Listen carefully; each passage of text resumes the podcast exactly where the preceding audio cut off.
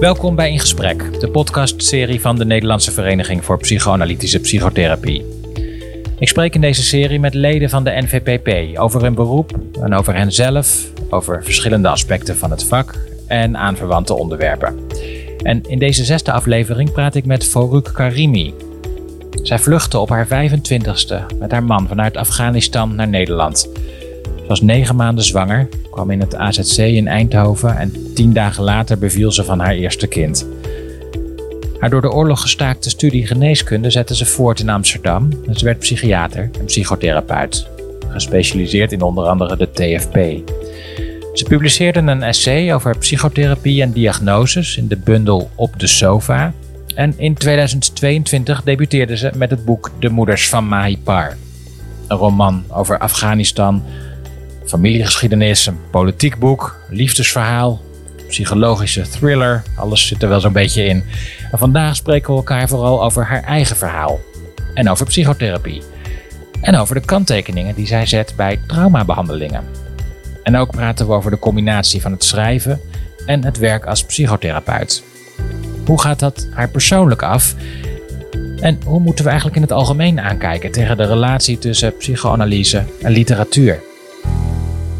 Nou, ik zit dus in Den Bosch tegenover NVPP-collega Vork Karimi, schrijfster, psychiater, psychotherapeut. Welke volgorde bevalt jou het best? nou, dat is echt een gewetensvraag. Um, ja, eigenlijk uh, schrijver zijn is, heel belangrijk voor mij. En dat wil niet zeggen dat ik uh, mijn vak minder belangrijk vind als psychiater, psychotherapeut. Maar schrijver zijn is een, is een heel belangrijke essentie van mijn leven. Is altijd geweest. ja, gaan we het zo over hebben. Ja, want dat, dat, zat er al heel vroeg in. Hè? Maar dan doe ik dus schrijver, psychiater, psychotherapeut? Maakt dat nog uit? Of? Uh, prima, ja, officieel psychiater, psychotherapeut is natuurlijk een, een titel. Wat, uh, daar heb je iets voor gedaan, ja? Ja, ja, ja. Heb je, heb je een opleiding voor ja, te doen. Het klinkt serieuzer voor de buitenwereld dan schrijver. Ja, ja misschien. Voor, over je afkomst kan ik natuurlijk hetzelfde vragen. Afghaans-Nederlands of Nederlands-Afghaans? Um, ook daar denk ik zelf niet erover na, want uh, ik, ik, ik wil eigenlijk ook niet actief erover nadenken. Ben ik Nederlander of, uh, of Afghaans? Ik ben beide. Veel mensen zien mij als Afghaans, ja, ook de buitenwereld. maar ik voel me ook Nederlander natuurlijk. want ik we, we wonen nu iets meer, uh, iets langer in Nederland dan in ons uh, eigen land. Ja, ja, ja, ja. Dit jaar 26 of uh, 27 jaar wordt het en 25 jaar in, in, mijn eigen land. Ja, ja is net omgeklapt. ja, precies, is net omgeklapt. Ja. Dus dat zijn natuurlijk termen. En van binnen is het zo in elkaar verweven dat ik dan geen echt onderscheid kan maken. Ik ben beide, maar eigenlijk ook geen van beide. Mm -hmm, ja, Ik hoorde je in een interview zeggen trouwens dat je het nieuws over Afghanistan eigenlijk niet meer kan volgen. Hè? Klopt dat? Uh, de actualiteit niet mm -hmm. meer. Dus in grote lijnen volg ik wel wat er gebeurt of zo, maar uh, zo dagelijks, nu, uh, dagelijks nieuws, wat er allemaal gebeurt daar en de actualiteit, probeer ik toch een beetje de, de, afstand van te nemen. Waarom? Um, het geeft me een, machteloos gevoel dat eigenlijk ook uh, heel belemmerend is. En um, het zou heel uh, ja, principieel zijn, zoiets van het is mijn land, ik moet betrokken blijven, dus ik moet ook elke dag uh, luisteren naar het nieuws. Um, en ik kan er toch niks aan doen. Uh, mijn liefde voor mijn land en voor mijn ja, uh, achtergrond uh, neemt daardoor niet af. Mm -hmm. Ik bescherm mezelf om, om dagelijks dan ja, ontregeld te worden emotioneel. want ik moet ook hier op beide benen staan en, en functioneren, kunnen mm. functioneren. Ja. Weet jij wel beter dan wij hoe het eraan toe gaat daar nu? Uh, ja, jawel, ja, want uh, we hebben familie daar. Mijn uh, schoonfamilie woont daar en met hen heb ik berichtcontacten, chat, chatten met, via WhatsApp en ook af en toe bellen. Dus het is niet zo dat wij dat niet weten. Het is wel heel erg moeilijk om, om te doorgronden of, of een beetje een overzicht te houden van um, welke kant het gaat. Ja? Dus in mijn ogen heel erg hopeloos. Uh, en toch geeft het mij hoop, want mijn man volgt wel het nieuws. Uh, af en toe, um, als hij de koptelefoon niet op heeft, en dan luister ik mee. Uh, zitten we samen en dan luister ik mee. dan hoor ik hoe mensen toch zo sterk zijn daar. Gewone mensen, bijvoorbeeld een journalist die gaat mensen interviewen over nu de taxis. Bijvoorbeeld de Taliban hebben bedacht dat taxis gewoon um, uh, allemaal dezelfde kleur moeten hebben. Net als vroeger geel en wit en zo. En daarover hoorde ik een journalist en mensen interviewen. Uh, en dan hoor ik niemand die zo klagerig. Uh, ja, kunnen mensen niet klagen bijvoorbeeld omdat ze bang zijn. Maar hun toon is ook niet klagerig. Uh, ze zitten niet, uh, ik hoor ze niet ehm, wanhopig wezen. Hè? Zeg van, ze geven hun mening. Ze maken er iets van. En dat is de kracht van de mens. En, en dat is iets wat ik geleerd heb. Um, een beetje in tegenstelling tot de Nederlanders, hoor ik dat erin? Of?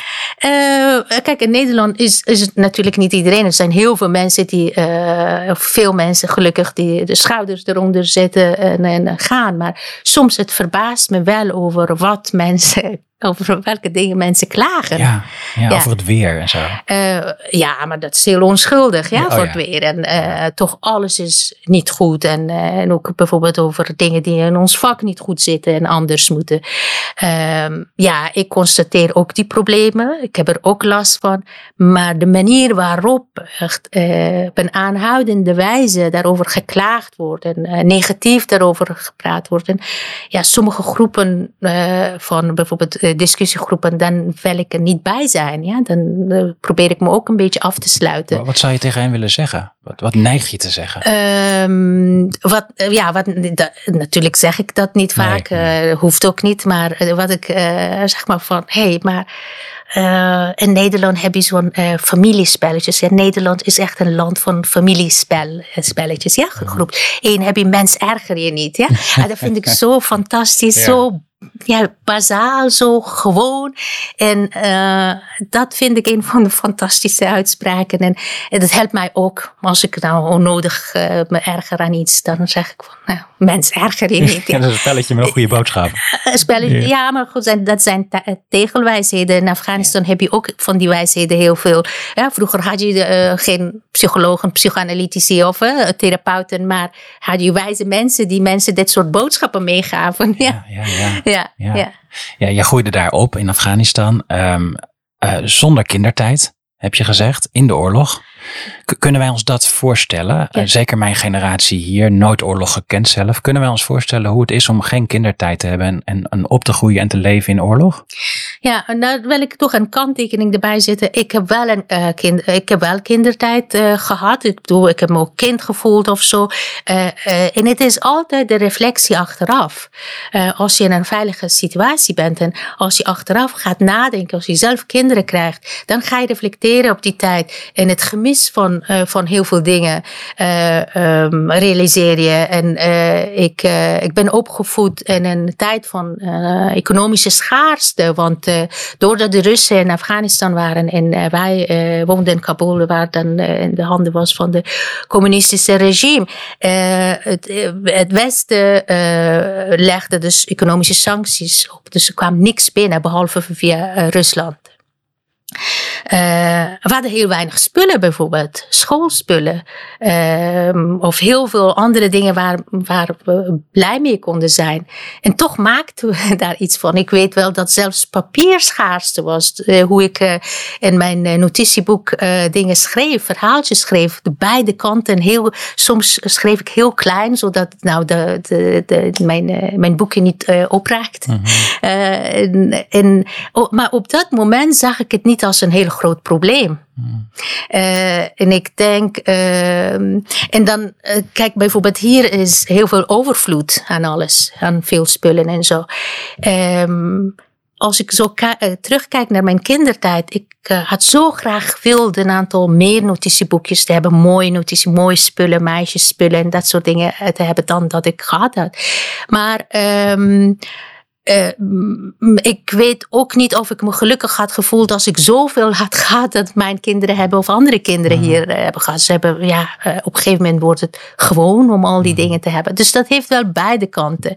En natuurlijk over de onveiligheid, ja, dat, dat heeft natuurlijk veel dingen met me gedaan. En hoe ik persoonlijk, en ik moet zeggen dat ik een ja, uh, in mijn eigen opvoeding uh, uh, geen, um, geen grote onveiligheid meegemaakt, maar wel mijn ouders waren heel erg controlerend en heel erg uit liefde. Ze wilden het beste voor ons buiten. De buitenwereld was gevaarlijk en, en, en ze waarschuwden ons heel veel. Dus ze zaten helemaal bovenop en ook ehm, heel veel grote verwachtingen. Eh, et, et, begrip parentificatie kende ik later hier. En toen zag ik, oh, daar ben ik ook. een echte hulpverlener toch dan, wat dat betreft. ja, Want oh, hoe, hoe, onveilig was het in die, in die eerste jaren? Zeg die eerste tien jaar van je leven? Uh, eerste tien jaar, uh, ja, toen ik was zeven zo, toen de oorlog begon. En uh, het werd steeds onveiliger. En de onveilig was zo dat de mujahideen, die, de mensen die jihad deden tegen de Russen en wapen en geld kregen vanuit het Westen, die uh, waren buiten de stad. En die uh, gooiden raketten naar, uh, naar dus het is die, uh, er kwamen heel veel raketten neer, heel veel explosies. Uh, en de, de grenzen van de stad werden alleen maar beperkt, uh, of kleiner en kleiner. Um, en het was de, de, met de periodes, vooral in de periodes dat de Russen zich terugtrokken en Gorbachev was aan de macht en dat de Mujahideen heel erg gestimuleerd werden en wij kunnen nu winnen. En die tijd echt dagelijks honderden raketten in één wijk en verschillende wijken. Dus het, is, het was uh, je, maar mensen hebben een soort mechanisme daar je niet zoveel over nadenkt. Want anders word je, raak je verlamd van angst. We gingen gewoon naar school, we gingen gewoon naar de universiteit. En uh, waren explosies. Ik heb ook in een, een ander interview gezegd, en dat blijft me altijd bij, dat een van onze docenten op de eerste jaar uh, universiteit of tweedejaars, die was ook iemand die ja, nu zou ik zeggen, autistisch. maar toen wisten we niet, wisten we wel dat, nou, die man is heel bijzonder. Uh, hij had de gewoonte om te komen bij de lesnaar te staan, daar te kijken, zo naar uh, 200 studenten van, die ene, uh, van de ene klas waar wij zaten voor het college. En hij had de gewoonte om ja, zijn pen te pakken met alle rust en zijn koffer daar neer te zetten en het raam te openen.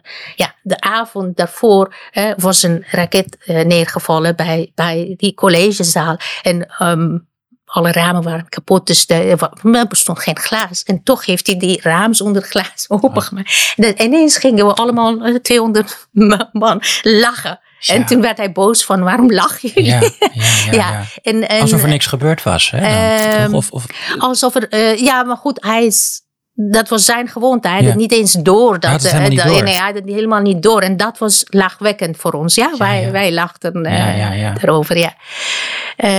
dus dat, dat kon overal gebeuren. Ja. Uh, en als het gaat om, om, om, veiligheid, ja, ik weet wel dat ik als, als kind uh, soms uh, uh, bijvoorbeeld uh, in bed lag. En dan kwamen weer de uh, geluiden van explosies. ik had een heel rijk fantasie met verhalen en dit soort dingen. Dus ik ging ook in mijn hoofd een soort verbeel, de, de, man verbeelden die op dat moment met dat raketapparaat stond en die de volgende bijvoorbeeld afvuurde. De volgende. Ik zag gewoon zijn hand in mijn hoofd met een, met een horloge, met, met zijn mouwen en zo. En toen hoopte ik van, en nu stop je. En nu stop je. Die hand moet stoppen.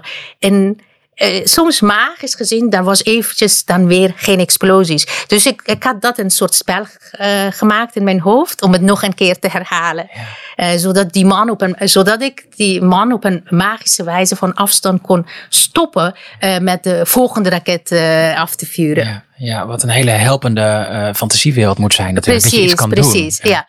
En het was ook soms zoveel dat je niet alleen maar, uh, ja, we waren niet zo heel erg actief bang voor nu de volgende zal op ons huis neervallen. Dat was meer in de jaren negentig toen de Mujahideen de macht kregen. Maar in de, alle jaren tachtig, ja, die kans was aanwezig. Maar goed, die kans is aanwezig hier ook al dat je een ongeluk krijgt of iets. Ja, ja was het van die orde? Um, ja, die kans wel, was aanwezig, maar echt, het is ook een soort beschermingmechanisme. Daar ga je ja. niet zoveel nadenken. Het enige was dat bijvoorbeeld de last dat, ik, dat we daarvan hadden, dat we niet in slaap konden vallen. -huh. Ja, vanwege de geluiden. Ja. En uh, dat, dat klinkt absurd waarschijnlijk, maar dat was het, meeste last waar we daarvan uh, hadden. Ja, maar in de jaren negentig veranderde dat. Werd het onveiliger, bedoelde je dat? Uh, in de jaren 90, 92 namen de, de Mujahideen de macht over. -huh. En toen werd de, de, werden dus de dorpen, dus het platteland om de steden heen, werd, rustig, werd rustiger en, en werden rustiger. En Kabul werd natuurlijk een, een bloedbad. Mm-hmm. En die jaren mensen vluchten massaal naar uh, de buurlanden en van daaruit naar, uh, naar andere landen. Waaronder dat jij? was, ja, waaronder ik. Maar goed, ik ben een aantal jaren wel gebleven. Daar ook een poging gedaan. Want de regio waar onze universiteit lag, dat was een... een um, een hele actieve gevechtsveld, uh, een slagveld was dat, tussen twee rivaliserende, rivaliserende groeperingen. En de overheid van de Mujahideen, die dan op dat moment de macht had, die, de, de, universiteit was gestopt natuurlijk. Ze wilden dus geneeskunde ergens de vijfde jaar, wij waren met, klaar met de vierde, de vijfde jaar ergens anders laten starten, zodat dat het niet stopte dat de dokters geproduceerd werden. Uh -huh. en, zo. Uh -huh. en, uh, en dat was aan, aan uh, het gebouw van het ministerie van Volksgezondheid. En een hele andere wijk, die wel onder de regering, maar daar kwamen ook heel veel raketten van de andere wijken, dus die kwamen dichterbij. Ja. En dat was niet in de orde van, uh, van uh, bijvoorbeeld tientallen of zoiets, echt duizenden raketten kwamen. Ja. Echt. Ja. Ziekenhuizen lagen vol ja. uh, uh, gewonden. Uh, dus in die tijd hebben ze dat geprobeerd en ook dat mislukte vanwege de gevechten en daarna weer geprobeerd. Maar ja. En was er een moment, kan je dat zo zeggen, dat je dacht, nu moet ik weg?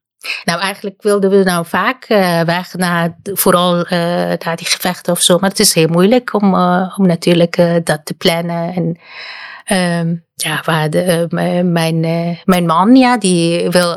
Was ook een moment dat we dan besloten om, om te trouwen. Ja, want anders hadden we elkaar verloren. Want iedereen ging en die zijn uitgeweigerd over de hele wereld heen. En uh, uh, ja, toen zijn we getrouwd. En uh, ja, en we, we, wilden daar weg. We hadden geen toekomst. Er was echt geen, geen veiligheid. Ja. Nee, sowieso kon je niet meer studeren ook. En, en, en nee, en, ook dat. Ook mensen die studeerden of zo. Dat kan, ja, echt dan in die begin jaren negentig hoorden, hoorden we zo vaak die klasgenoten omgekomen. Die klasgenoot of de moeder van iemand. Of, dat was echt de oorlog. In de jaren tachtig was ook, maar dat was sporadisch van uh, mensen die wij kenden die uh, omkwamen of dan uh, bij een explosie betrokken waren. Maar in de jaren negentig echt ja. heel veel. Heel veel klasgenoten van ons die niet meer zijn. Ja. ja. ja. En het is je gelukt. Je bent naar Nederland vlak voordat de Taliban uh, daar de boel ja, overnamen. Ja, die waren al bezig, maar nog ja. niet in Kabul. En toen, uh, ja, toen we hier in Nederland waren, kwamen de Taliban. Uh, ja. die, was het riskant om te vluchten? ja, zeker. Ja, want het is eigenlijk je lot is in de handen van iemand die voor jou documenten maakt. En, en, en, Mensensmokkelaar. Ja, ja, mm -hmm. voor ons reisagent, want die heeft ons leven gered. Ja, ja mensen smokkelaar, maar die, uh, die zijn natuurlijk, die kunnen niet alleen maar zelf functioneren. Het is altijd, mensen zijn op, ja, op jacht naar de mensensmokkelaars, maar die hebben natuurlijk ook connecties om jouw geldige visa's uh, te halen uit, ook uit westerse landen. Dus dat netwerk is veel groter mm -hmm. hè, dan die uh, mensen op wie dan ja. Je was hoogzwanger, hè? Ja. Op dat moment. En ik, ik uh, las je boek en ik leerde een nieuw woord tijdens het lezen. Moedermoed. Mm -hmm. um, ik, ik, wil even van de gelegenheid gebruik maken om te kijken of ik dat woord goed begrepen heb. Was het vluchten terwijl je hoogzwanger was ook een moedermoed? Um, uh, ja, misschien heb ik het op dat moment niet zo beschreven, maar het is wel instinctief wel iets, ja, dat, dat uh, dat ik ehm, niet wilde dat mijn kinderen in zo'n onveiligheid zouden opgroeien. Hmm. Ja. En nou, eerst moet je niet, geen kinderen krijgen. Ja, maar goed, dat gebeurt. En nou was ik zwanger en dan is nog een extra motivatie. Ik denk dat het de essentie is van menselijk leven. De mensen hebben altijd gedaan in hun leven dat ze een veilige plek zoeken voor zichzelf en voor hun kinderen. Ja. we kijken natuurlijk naar asielzoekers en vluchtelingen als uh, lastig um, en uh, natuurlijk niet welkom. Dat is ook zo, ja, maar mensen, ik denk dat ook mensen in Nederland um, zouden op zoek gaan naar een veilige plek als ze zich onveilig voelen door oorlog of wat dan ook. Zit in de mens. Ja, zit in de mens, ja. ja. Uh, Nederland je studie geneeskunde afgemaakt, psychiatrie gedaan, psychotherapie gedaan, allerlei uh, cursussen daar nog bij. Gedebuteerd als hm. schrijver vorig jaar, Moeders van Maaiepar. Um, ik, ik heb altijd het idee dat bij sommige mensen um, komt het allemaal een beetje op het pad. Hè? door toeval worden de mensen soms geleefd. En bij jou had ik het idee, toen ik me een beetje aan het verdiepen was in je biografie, uh, dat je het eigenlijk als kind allemaal al wel wist. Dat het er allemaal al wel in zat. Je zou psychiater worden en je zou schrijver worden. Klopt dat? Ja, met name schrijver worden. Ja? Psychiater is iets later gekomen, maar mijn schrijver worden al was, uh, zat er al vanaf uh, kindertijd in, van echt jongs af aan. Hoe weet een kind dat, dat het schrijver wil worden? Ehm, omdat ik alleen maar bezig was met verhalen in mijn hoofd. Ja, ik doe mijn manier van met dissociëren van de moeilijke situatie en, uh, en, en, toch uh, moeilijke situaties te overleven. Of dat uh, toen ik klein was, de onveiligheid die wij voelden, vooral de eerste jaren, omdat er heel veel mensen opgepakt werden en later in de jaren tachtig ja, de schaarste, de, de onveiligheid. en mijn ouders die zo streng waren en alles.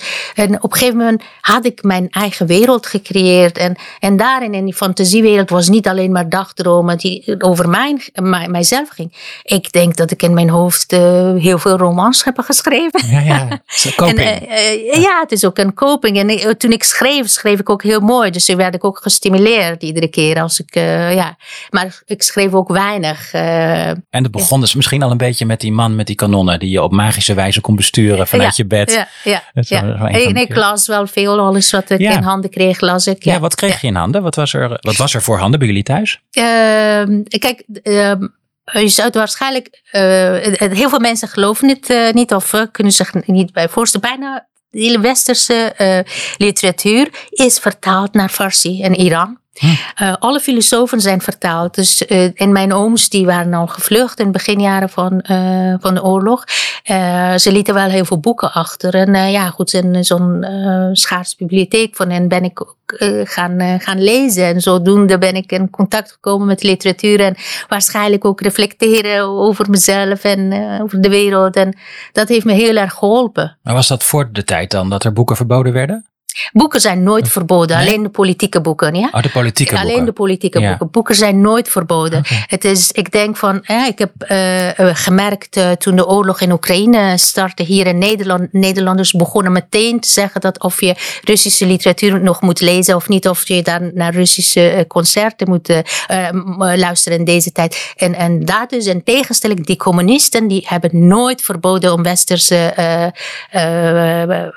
schrijvers te lezen. Maar politieke boeken die moesten politieke, weg? Ja, politieke eh, boeken die moesten weg, ja. En dat waren met name uh, politieke boeken die dan uh, over Maoïstische, bijvoorbeeld Maoïstische literatuur. Omdat hmm. binnen de communisten was het conflict veel groter. Dus ze waren veel meer bang voor elkaar, voor een binnenhoud, dan, dan voor bijvoorbeeld imperialisme. Want dat was propaganda van imperialisme wordt werd op een andere manier uh, afgehouden. Bijvoorbeeld uh, verbieden om naar radio BBC te luisteren mm. en, en, dat soort dingen. Ja, George Orwell mocht dus niet... Nee, George Orwell, nee, de, nee die kende ik pas later hier in Nederland. Ja, ja, ja. die was ook vertaald, de, maar dat was nooit binnengekomen en zo.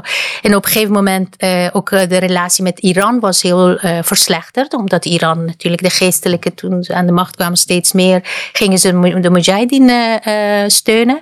Dus er kwamen ook veel minder boeken uh, binnen. En Freud, mocht dat wel? Ja, Freud. De, in de jaren zeventig waren zoveel Freud-literatuur, of jaren zestig, zoveel Freud-literatuur binnengekomen. Dus die waren er al. En ik had ook wat, wat gelezen, boeken van Freud. Ja, hoe oud was je voor het eerst?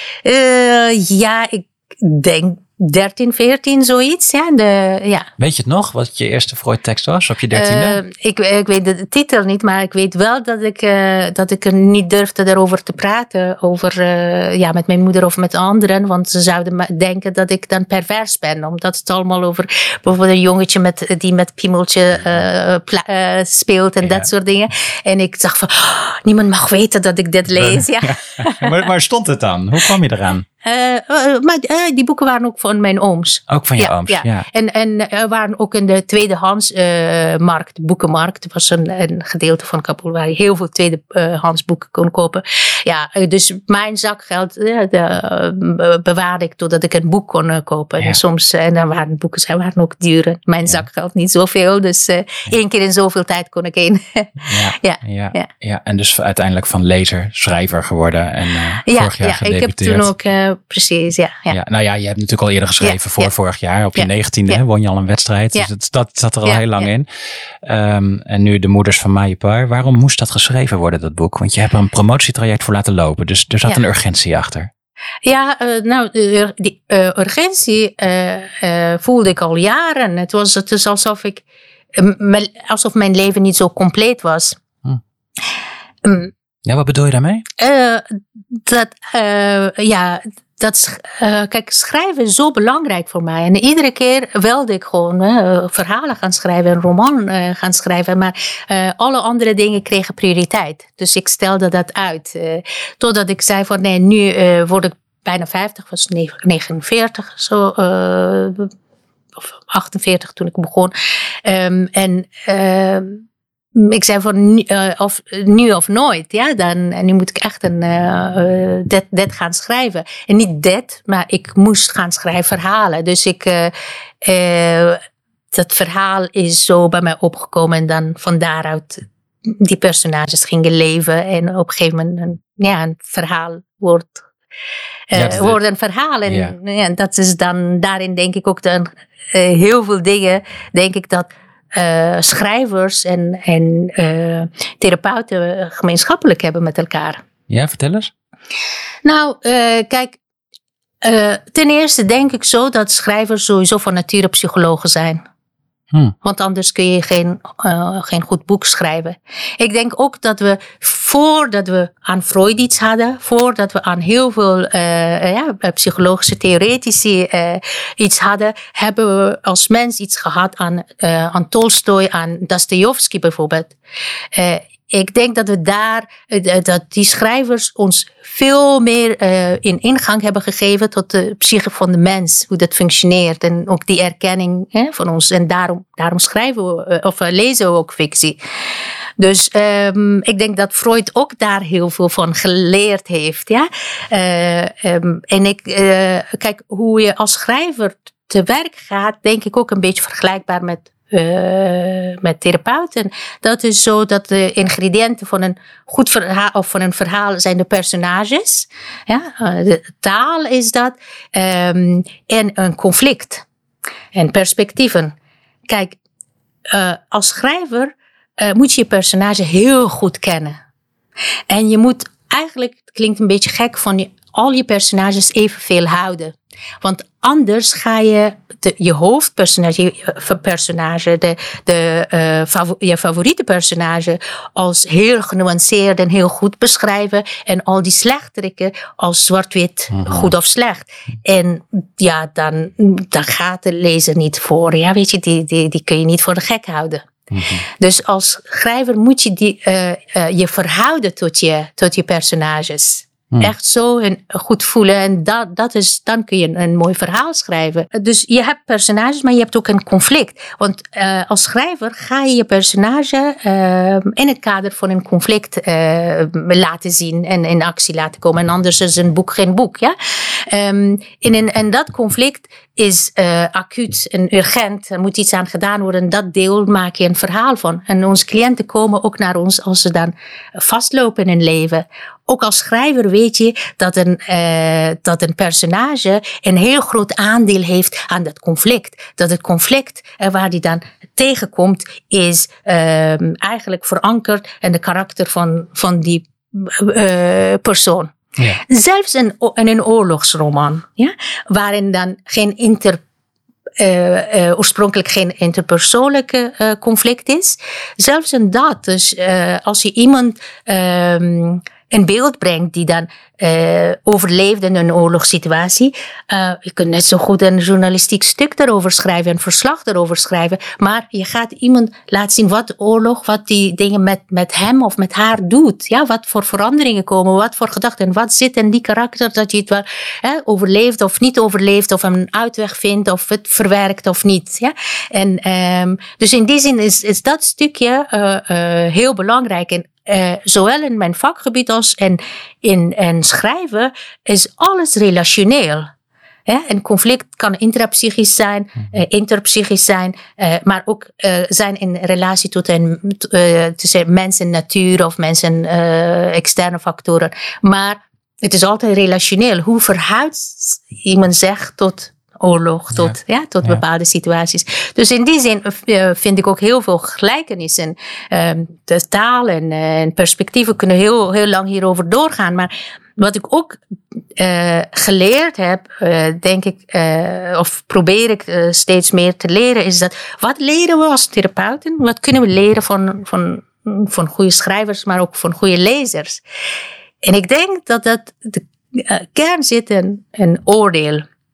Ja, kijk, als lezer uh, gaan we een verhaal lezen en volgen we. We gaan ons inleven en de personage. En natuurlijk hebben we ons eigen oordelen, maar we volgen uh, met die situatie en zo. En als therapeuten uh, zijn we toch heel vaak in ons hoofd met een oordeel bezig. Hmm.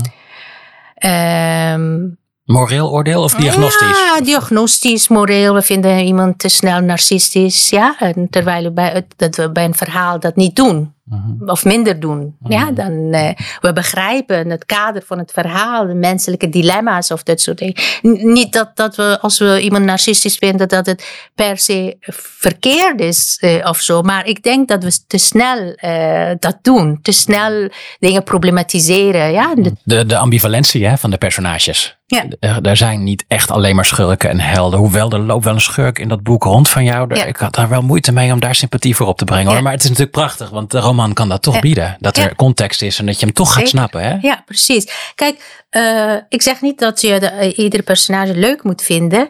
Uh, je kunt antipathie hebben, sympathie hebben voor bepaalde personages.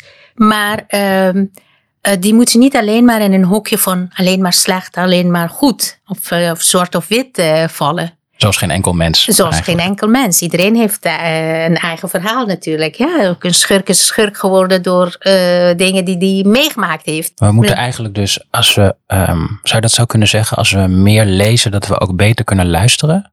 Naar onze patiënten? Helpt ja. het? Ja, ik denk ook, de, kijk, waarom is fictie zo belangrijk? Ja, want ik bedoel, van, oh, we kunnen een film kijken, dan kunnen we een anderhalf uur uh, een hele verhaal, uh, zonder te lezen, uh, dat begrijpen en zo. En naar een concert gaan, twintig minuten of zoiets. Maar waarom is fictie zo belangrijk? Dat we urenlang lezen, ook tussendoor daarmee bezig zijn. Want het stimuleert onze fantasie en onze verbeelding. En ik denk dat wij als mens die verbeelding heel erg nodig hebben voor ons uh, zelfreflectie, maar uh, ja, voor, uh, zelfs voor ethiek. Ja, ethiek ontstaat ook in die, die ruimte die door verbeelding ontstaat. en dat moeten we ons niet ontnemen, zeker in deze digitale tijd tijdperk niet. Um, en maak je daar wel zorgen over? Dat er ook minder gelezen wordt? Dat, dat, dat psychotherapieën allemaal korter moeten? Dat, ja. dat, je, je noemde dat net al heel expliciet, dat urenlang. Dat je geduld moet hebben om een roman te lezen, tot je te nemen. Net zoals dat je geduld moet hebben om een, een, een psychotherapeutisch proces op gang te brengen. Maar hebben we dat geduld steeds minder, denk je? Ja, de geduld is overal minder. En ik denk bijvoorbeeld ook met lezen. lezen mensen gaan steeds minder lezen. Ja, want uh, heel veel scholieren die gaan een samenvatting van een boek bijvoorbeeld lezen in plaats van het hele boek. ChatGPT uh, ja, hebben ja. ja ChatGPT-tijd is dat. En uh, wat dat betreft, ik vind het heel erg zorgelijk. Maar die zorgelijkheid is al jaren, eigenlijk decennia, waar dan gevoeld wordt. Um, en ik denk dat, um, dat lezen juist is een, een roman is echt zo'n ruimte dat onze um, fantasie en, uh, reflectie en, en die verbeelding op een intensieve wijze, op een hele andere manier um, stimuleert en prikkelt. En dan moeten we niet uh, van ons afnemen, want we zijn heel erg ook met psychotherapie, wat je net zei, we zijn heel erg praktisch. We worden steeds meer praktische mensen, praktisch ingestelde mensen. Wat werkt? Wat is het beleid? Uh, wat, uh, wat, uh, hoe is het efficiënt? Hoe kunnen we efficiënt te werk gaan? Richtlijnen, protocollen. Precies, richtlijnen, protocollen. dus we, we worden een beetje in beslag genomen van, ik zou niet de realiteit zeggen, maar de actualiteit. En de roman geeft ons een ruimte om een beetje afstand te nemen van die actualiteit van, nee, nou van het dagelijks leven. En, uh, en ook een mens uh, zijn die er ook andere aspecten heeft. Uh, ja, dus andere aspecten van het leven. -huh. Bij roman kan je nog denken, nou ja, dat beslis ik zelf. Ik ga nu tijd vrijmaken en ik voel me rustig genoeg om daar uh, ook ruimte voor te maken in mijn hoofd. In zo'n therapie zit iemand tegenover je en die eist ook van je een snelle oplossing. En die, je hebt erover geschreven in Op de Sofa, mooi mhm. essay over mhm. hoe een patiënt een enorm beroep op je kan doen. Dat het nu moet gebeuren en dat het heel goed moet gebeuren en dat ze wacht tot je met iets komt. Hoe weersta je de druk? En, en, en zeker voor jonge collega's die het vak net gaan doen, weet ik, die, die vinden het verschrikkelijk moeilijk om, om met dat appel om te gaan. Ja. En ik denk dat juist dat is onze kans om, om dat aan de patiënten weer, uh, weer spiegelen en dat te zeggen. Ik zeg dat altijd met cliënten van, met, als je zo wanhopig bent, dan word ik er ook wanhopig van en dan kan ik je niet helpen. En uh, dan gaan ze wel daarover nadenken. En dat uh, uh, natuurlijk, we moeten mensen ook hoop geven. We, moeten mensen ook steunen. Ja? maar daarin um, ja, toch een beetje het doel niet uit het oog verliezen. Dat mensen hier komen niet omdat wij diegene zijn die hun redden, maar dat ze moeten leren om, om eigen redder te worden. Om, om, eh, ja, om, om hun leven weer, uh, de regie over hun leven te krijgen. En dat is, dat is een kernboodschap, kernboodschap. Welke vorm van therapie, langdurig, kortdurend. Als dat het doel is, dan is het vaak heel erg helpend. Ik wil daar wel even met je dieper op ingaan. Op de rol van hulpverlening in het algemeen. En, en wat je nu zegt ook over uh, eigen verantwoordelijkheid. Um, want ik, ik had het idee uit de interviews die ik met je las ook dat je een beetje een kanttekening zet bij dat hele idee van, van hulpverlening per definitie aan mhm. vluchtelingen. Aan, aan vluchtelingen, ja, ja, Vanuit het idee dat vluchtelingen dus labiel zijn, dus hulp mhm. nodig hebben. Eh, Dat relativeer je. Kan, kan je dat uitleggen? Ja, niet alle vluchtelingen. Ja. Dus uh, er zijn ook uh, ontzettend veel vluchtelingen die hier een, een nieuw bestaan hebben opgebouwd. En uh, dat ze carrière hebben gemaakt en gez een gezin hebben gesticht. bijvoorbeeld mensen die als kind hier naartoe zijn gekomen. En heel veel mensen hebben wel wat opgelopen. En die tijden heel, heel veel jonge mensen zijn ontzettend veel geparentificeerd. Maar voor mij is therapie is iets wanneer mensen in een conflict vastlopen. Hè? En dan uh, dan, dan ga je hulp zoeken, dan moet die motivatie komen. En zo gaat het niet meer verder. Dus ja, ik ben bereid om hier iets aan te doen. Uh, maar uh, ja, mijn kanttekening is dat, dat uh, wanneer dat dysfunctioneren, dat soort vastlopen, nog niet aan de hand is, of niet oh, op die manier, dat we dan aannemen dat sommige mensen al beschadigd zijn of zo. Ja, het is geen perfecte wereld. Er zijn heel veel beschadigde uh, mensen. Maar als ze hun leven kunnen voortzetten, waarom moet iedereen dan voor therapie komen of in therapie komen? Sommige mensen zijn ook blij met de logening die ze ja, eigen hebben gemaakt. Heel veel mensen ken ik. Soms ben ik ook jaloers op mensen die zo blij kunnen zijn met iets. En, en dan vergeten ze alle andere dingen. En dan uh, denk ik, ja, dat kan ik wel heel erg pathologiseren.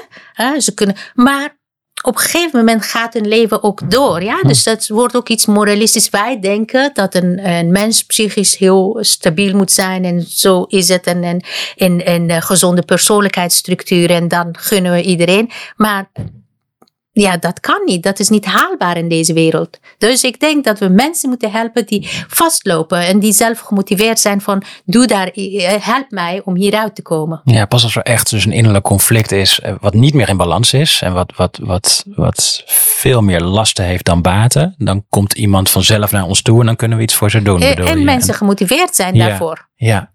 En mensen zelf dat, ja, komen zeggen van hier wil ik voor uh, geholpen worden. En ook met, uh, ja, waar dan de, de dat, toen ik de, dat vertelde over vluchtelingen en niet iedereen is ziek en therapie, mhm. is dat met name bedoeld omdat uh, heel veel uh, vluchtelingen als ze een hulpverlening komen, meteen traumabehandeling krijgen. Ja. ja, en traumabehandeling is uh, gericht, echt net als wat in Nederland traumabehandeling vaak gericht op is, op beelden, op de mhm. beelden. Um, en met alle patiënten, bijna alle patiënten die ik uh, gezien heb, dat last hebben van die beelden van explosies of voor wat ze meegemaakt hebben in de oorlog of onderweg of hier in AZC of hier, dat dat uh, uh, het is niet zo dat dat hun wakker houdt. Hm. Nee, ze hebben er last van, van ravage die dan al die trauma's en onveiligheid in combinatie met de structuur van een persoonlijkheid of wat dan ook in hun leven veroorzaakt hebben. Uh, maar daarover willen ze dat niet hebben. Dus door alles dan bijvoorbeeld, ja, door traumafocusbehandeling te geven, te richten op, op die beelden, dan ga je de focus op de persoon zelf een beetje Ehm, af, afhouden, ja. afhalen. Wat, en, en ik vind dat stuk is heel, heel belangrijk. Want mensen, uh, wat ik net zei met schrijver, ja, dus mensen hebben een aandeel in dat conflict. Ja, het is een beetje toch alsof je trauma gewoon uit iemand kan trekken. Hè? Ja, maar dat kan niet. Nee, dat, trauma heeft ook met mensen iets gedaan. En, ja. en, en dat stuk ik. En mensen die bijvoorbeeld uh, 15 jaar in traumabehandeling zijn, uh, maar ondertussen uh, heeft uh, niemand die, ehm, die zich druk maakt op het feit dat hij al zijn relaties bijvoorbeeld vastlopen. Dat hij ehm, ja, dat thuis iedereen rekening met die, die persoon houdt. dat ze uh, nou, hartstikke beschadigd zijn qua persoonlijkheid. Um, en dat is natuurlijk ook, dan kom je in die, uh, die discussie over uh, diagnose, wat tegenwoordig wordt ook een hele andere uh, richting van je moet helemaal geen diagnose stellen en uh, sowieso geen per, persoonlijkheidsstoornis. daar is eigenlijk kun je van twee kanten bekijken. Ja. van de ene kant, ja, het is een akelige diagnose. Maar als je iemand die echt een probleem heeft, een eigen persoonlijkheid, die uh, behandel je als, een, als één diagnose, als een symptoom, uh, iemand die een symptoom, symptoomstoornis heeft, dan help je diegene niet. Mhm. Dus er zijn twee kanten uh, daarin. En, het heeft iets moraliserends toch ook in die zin dat je dan toch een beetje tegen je patiënt zegt, zo moet het zijn.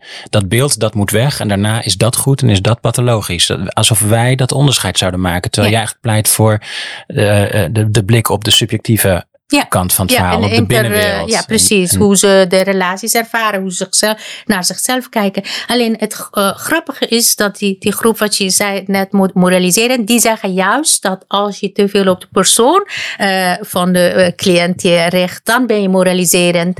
Want dan is het nog meer pathologiserend, want een diagnose PTSS is eigenlijk minder ernstig, zoals in dat artikel en, en op de sofa kwam, dan bijvoorbeeld een diagnose in de persoonlijkheid. Ja, ja, PTSS kan je niks aan doen, dat heb je. Dat heb je, ja. ja, Dat, is, uh, dat ligt toch, je hebt trauma meegemaakt en dat, ja.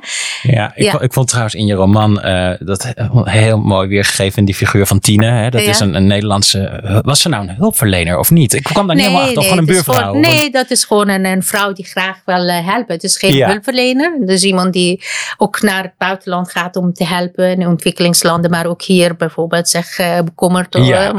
ja, maar een beetje een stijlfiguur vond ik het wel in die zin dat het ik, ik had er meteen iemand voor ogen. Ik dacht, oh ja, dat is een, een Nederlandse vrouw die waarschijnlijk vanuit hele goede bedoelingen zegt hoe het leven in elkaar zit. Ja. En die legt de hoofdfiguur, Ramin, hè, de. Afghaanse vluchteling, eh, uit hoe het eh, moet, ja, hoe het werkt. de, hoe die- de, de moeder van, van hem. Ja, hij is nu nog klein. Ja, die, Ja. ja. Inderdaad, inderdaad. Ja, en ik, vond, ik, ik weet ook van mensen die ergerden zich kapot aan haar. Ik moest me, ik moest me kapot lachen om haar. Ik vond het zo komisch. Een beetje tragicomisch misschien ook wel. Maar ik vond die, daar zie je dus de botsende culturen. Ja. Dat met goede bedoelingen je zo langs elkaar heen te praten. Heb, je- heb je daar zelf ervaring mee voor me? Eh, ja, ik weet niet of dat, dat ik dat botsende culturen neem, maar botsende ehm, perspectieven. Hmm. Ja, want ehm, een perspectief van dat iemand zich als per definitie helper eh, ziet. Iemand die Ja. in staat is om de ander te helpen Ja. en de ander is toch eh, dus hu- hulpbehoevend. Ja. Dus omdat je gevlucht bent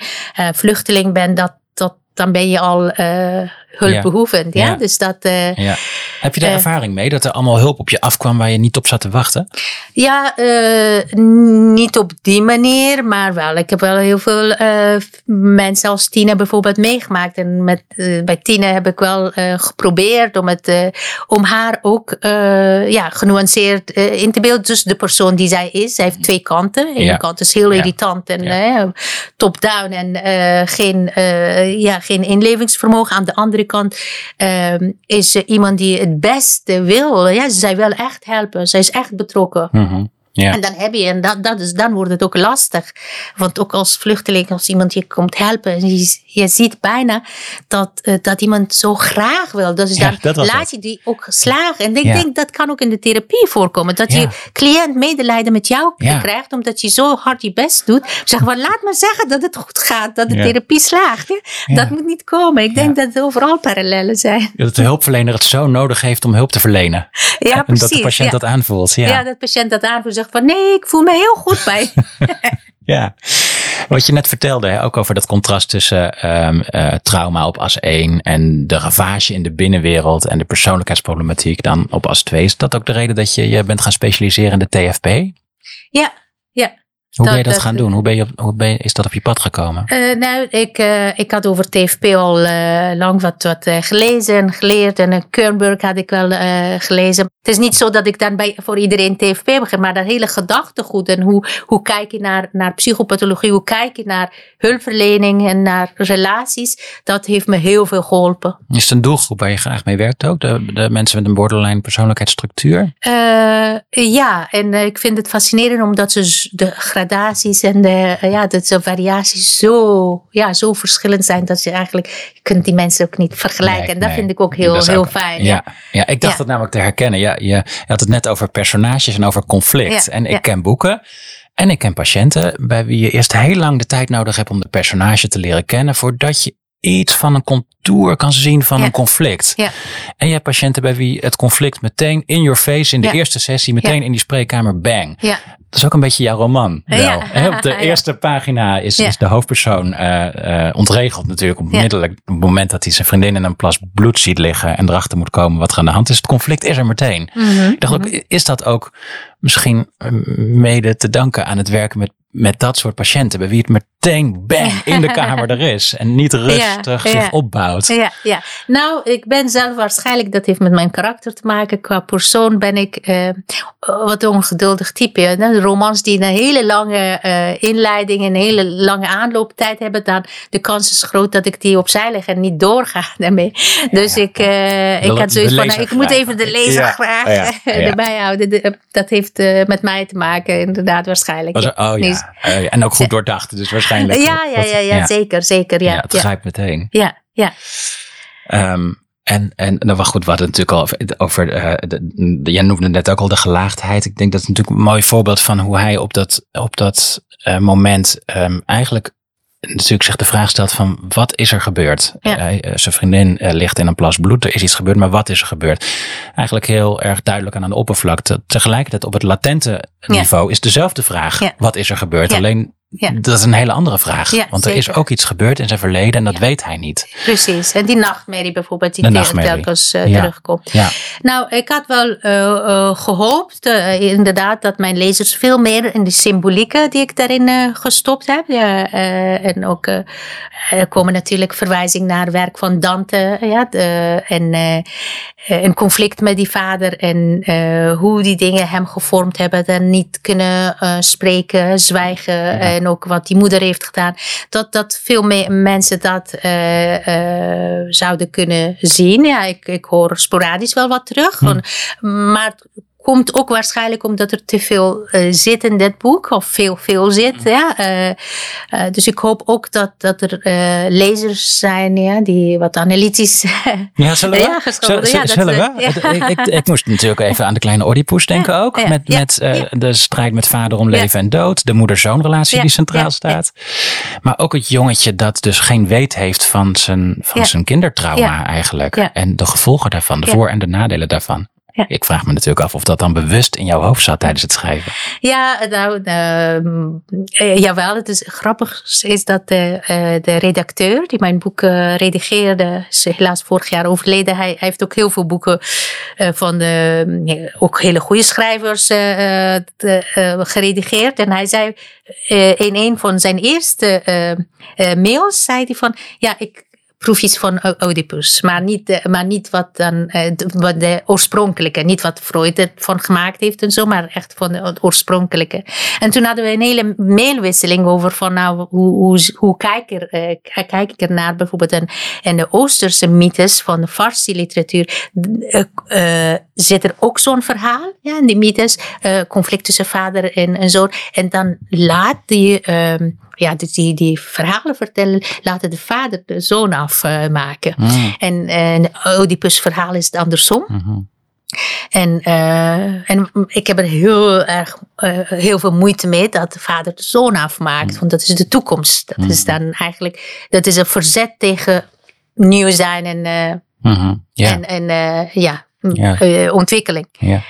Dus die, discussie eh, hebben we ook gehad. Maar goed, ik ga geen openheid geven over de laatste scène. Hoe Nee, dat er gebeurt tussen nee, de vader nee, en zoon. En dat is mijn, ook eh, mijn achtergrond. eh, of in ieder geval in mijn achterhoofd geweest. Om het, Ja, ja, Ja, ja. ja. want even, nee, we gaan natuurlijk niet zoveel eh, verklappen over het verhaal, maar de moeder-zoon-relatie is wel erg centraal. Zij eh, neemt hem mee en zij vlucht. Was het een heel ander verhaal geworden als Ramin, de hoofdpersoon, een meisje was geweest, denk je? Ehm, dat denk ik wel, ja. Ik heb, dit, eh, eh, ik heb bewust eh, gekozen dat, die, eh, dat Ramin een, een jongen is. En, eh, En ja. waarom moest het een jongen zijn? Misschien omdat mijn, ja, mijn oudste kind een, een, een- ja, een jongen is. Ja, en, eh, ja dus Ja. wat dat betreft, dat zou kunnen. Omdat dat ja, ja. onbewust een rol heeft Ja. gespeeld. Ja. ja, ja. want Terwijl verder- het helemaal ander, een ander verhaal is. Ja. ja. Maar ik ken wel heel veel dingen en de dynamiek tussen, ja, en de relatie eh, tussen moeder en zoon. Ja, ja, ja, ja, want het is, en, eh, Ja. het is waarschijnlijk wel duidelijk, maar het is niet autobiografisch. Hè, nee, dat toch het maar is eh, goed gezegd. absoluut niet autobiografisch. Ja. Maar goed, dat gaf je dus ook juist de mogelijkheid om eh, het accent te leggen op die subjectieve ervaring, de Ja. beleving van trauma in plaats van een Ja. eh, be- Mijn feitelijke tweede boek beschrijving. eh, eh, gaat over een meisje. Het Ah. komt in september eh, uit. Het is een novelle. Ah. als eh, Brabants boekpresent. Ah. Het mag wel ver- verklapt Nou. worden nu. Ja. En eh, dus voor een, een week lang eh, m- mensen die hier een boek aanschaffen in, in Brabant krijgen ze cadeau. Ah. Daarna krijgt het wel een andere bestemming. Maar in ieder geval, dat boek komt uit. En dat uit. gaat over een eh 17-jarige meisje dan. Ja. Iets met eh, een vluchtelingengeschiedenis in Afghanistan. zij is, eh, zij- maar, maar zij is geboren hier in Nederland en in AZC. Ja. Ah, ja. ja. En zij vertelt over haar eigen gezin die uit elkaar is gevallen Ach, door een incident. Ja. Maar dus nog even wachten. een ik-verhaal, ja. En, ja. Oh ja, ja. Ja, ja. Eh, ook, ook in het Nederlands. ja, zeker. weer. Ja. Ja. Ja, je hebt niet in het Farsi geschreven.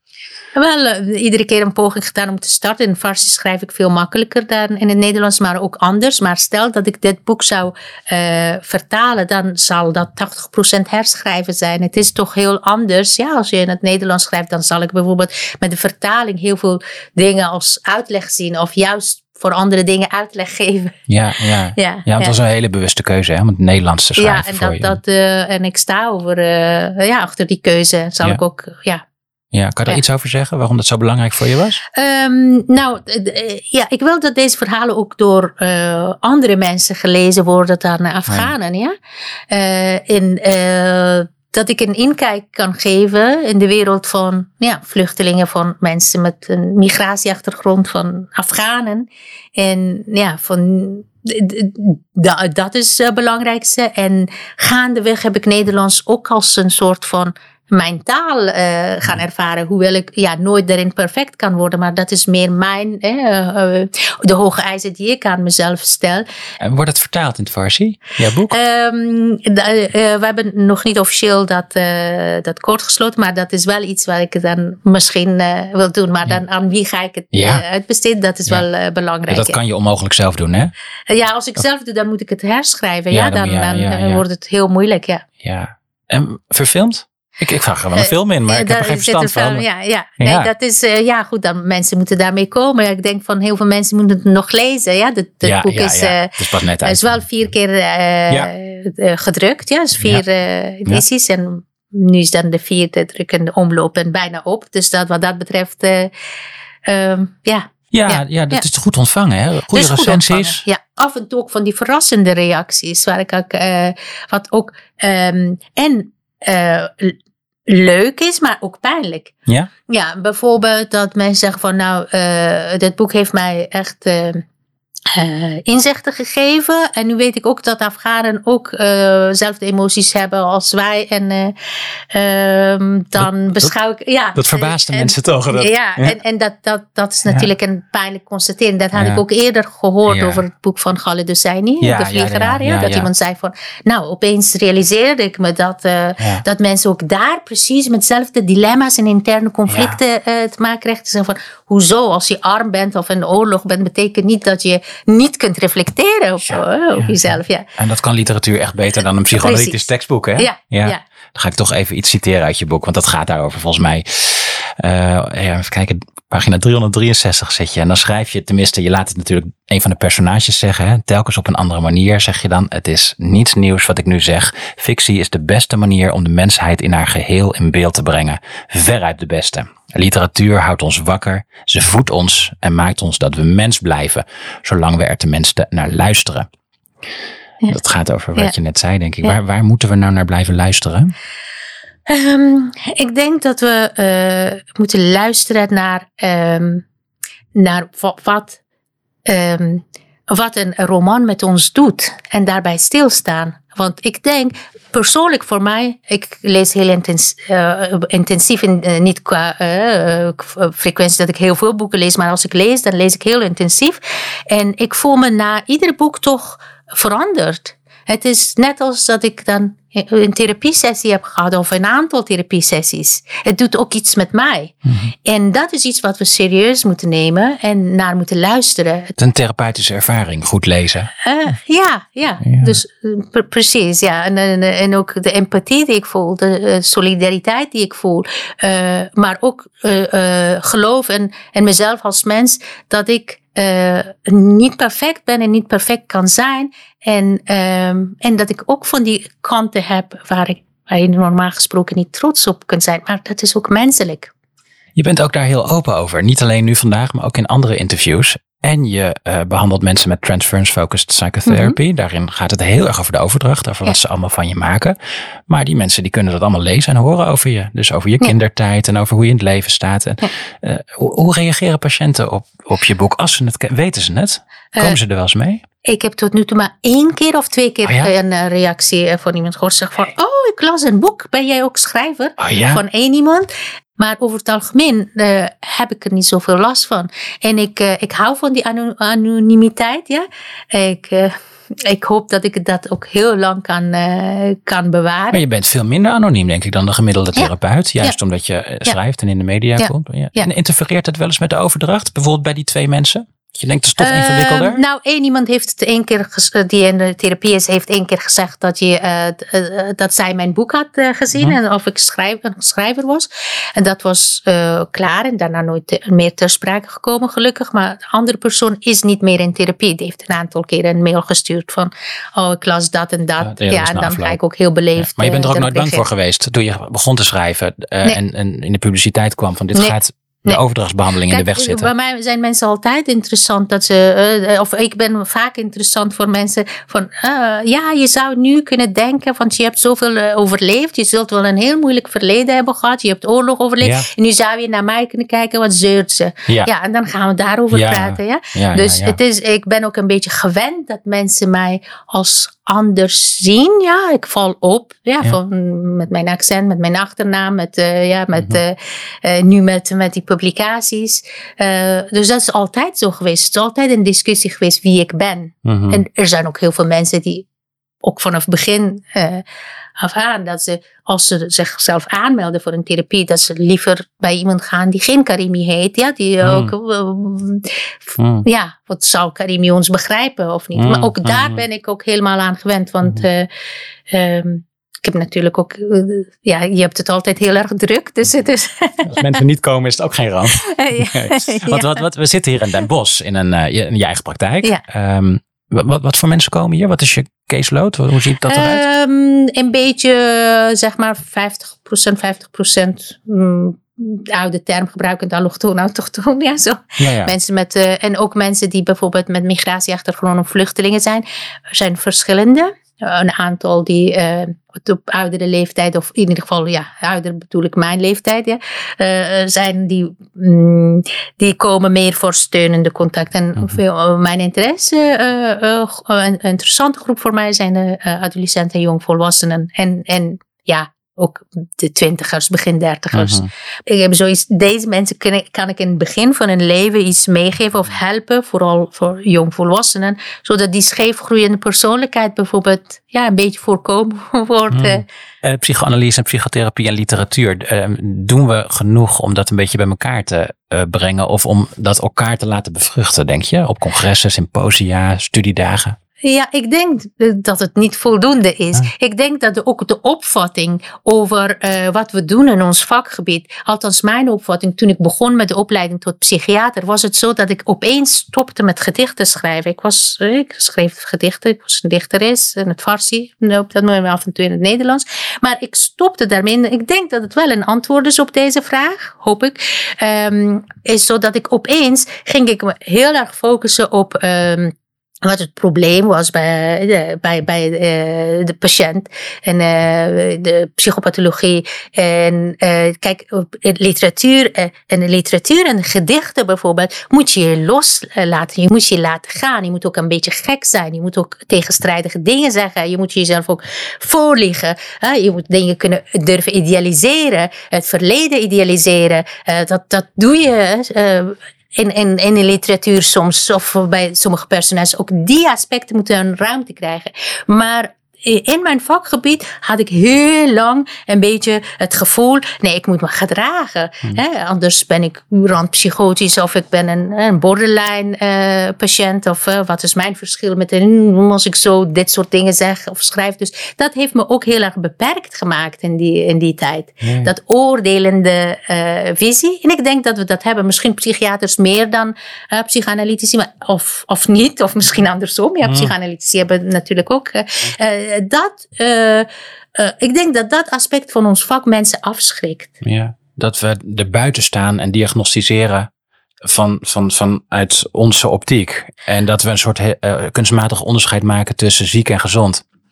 Ja, en ik denk dat als we nou meer met literatuur bezig zijn en, en ja, met, met ja, met, met romans en met, uh, met gedichten en dat soort dingen, dat we dat ook waarderen. Ik denk dat heel veel patiënten, omdat we een bepaalde visie hebben, dat ze niet durven. Hè, althans in de psychiatrie, dat ze niet durven met, met, met, met die kanten te komen. Uit angst dat ze gelabeld worden, heel snel gelabeld worden als impulsief of iemand die uh, um, heel tegenstrijdig is. Ja. Ja, terwijl dat ook inherent is voor een deel uh, in het menselijk leven. Ja.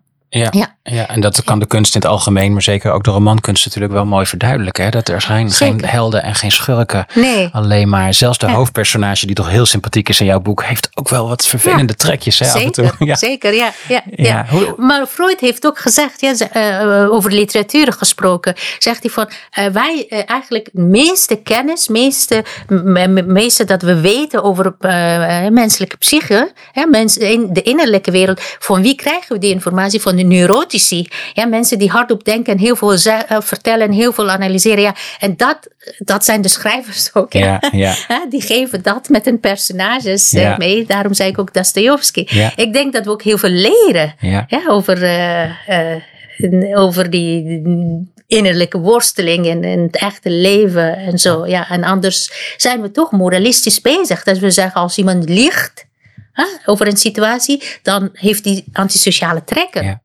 Je ziet hier dat iemand gedwongen wordt om te liegen. Maakt, maar zij heeft geen enkele aanwijzing voor antisociale trekken. Nee, nee.